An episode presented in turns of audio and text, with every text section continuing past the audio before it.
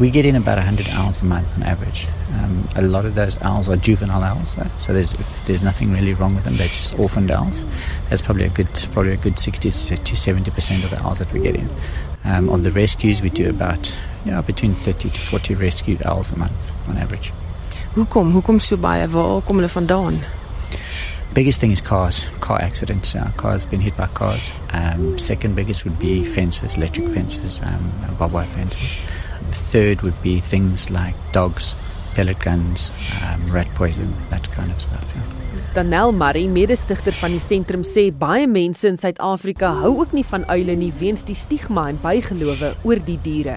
En dan ook geboue, baie van die uile, jy weet, soos jy nonnetjies uil hou van om binne in 'n gebou te wees, so hulle land in 'n fabriek op.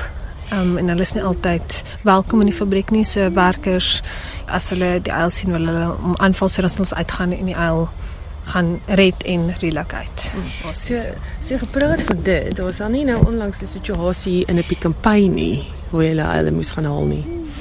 Yeah, we get a lot of those owls, and that's not really superstition. That's not that people are scared of owls. That's just because the owners of the pick and pay don't want an owl inside there. So obviously, they come in the morning and there's a half-eaten rat, and, and the ones we took out the other day out of pick and pay, um, they found the butcher's section quite um, quite entertaining in the evening. So there's this full buffet spread. So they'd been in there for a few weeks and they did not want to leave. Yeah.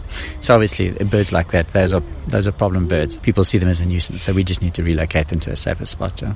Yeah, it's it's very difficult because we can't come in with nets and that because you you've got to try and get the bird out there with minimal stress. Yeah. So uh, yeah, we just go in there with a handheld net and then and. Uh, sometimes we're fortunate we get him out in an hour or two and sometimes it takes us a couple of days. En dit nou praat van uh daar's probleem eile soos die eile wat in die Pick n Pay was, maar dan is mense bang ook vir die eile. Hoe werk dit? Wat gaan aan in Suid-Afrika? Wat dink mense van eile?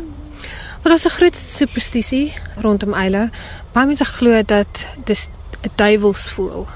En ek weet in die Afrikaanse kultuur. Ek weet byvoorbeeld my ouma het my vertel toe ek klein was dat as 'n uil op jou dak sit dan gaan iemand in die huis doodgaan. Ek dink dit het al bietjie uitgesterf onder, jy weet, die Afrikaner volk. Maar in ander kulture is daar natuurlik die geloof dat dit verbonde is aan witchcraft.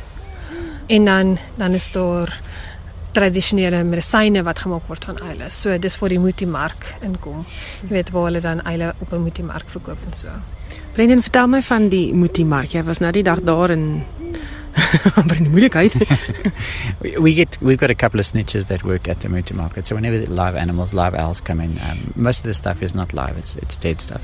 So when the live owl comes in, they just give us a call and say, "Listen, there's a there's a stall here that's got an owl or two or three.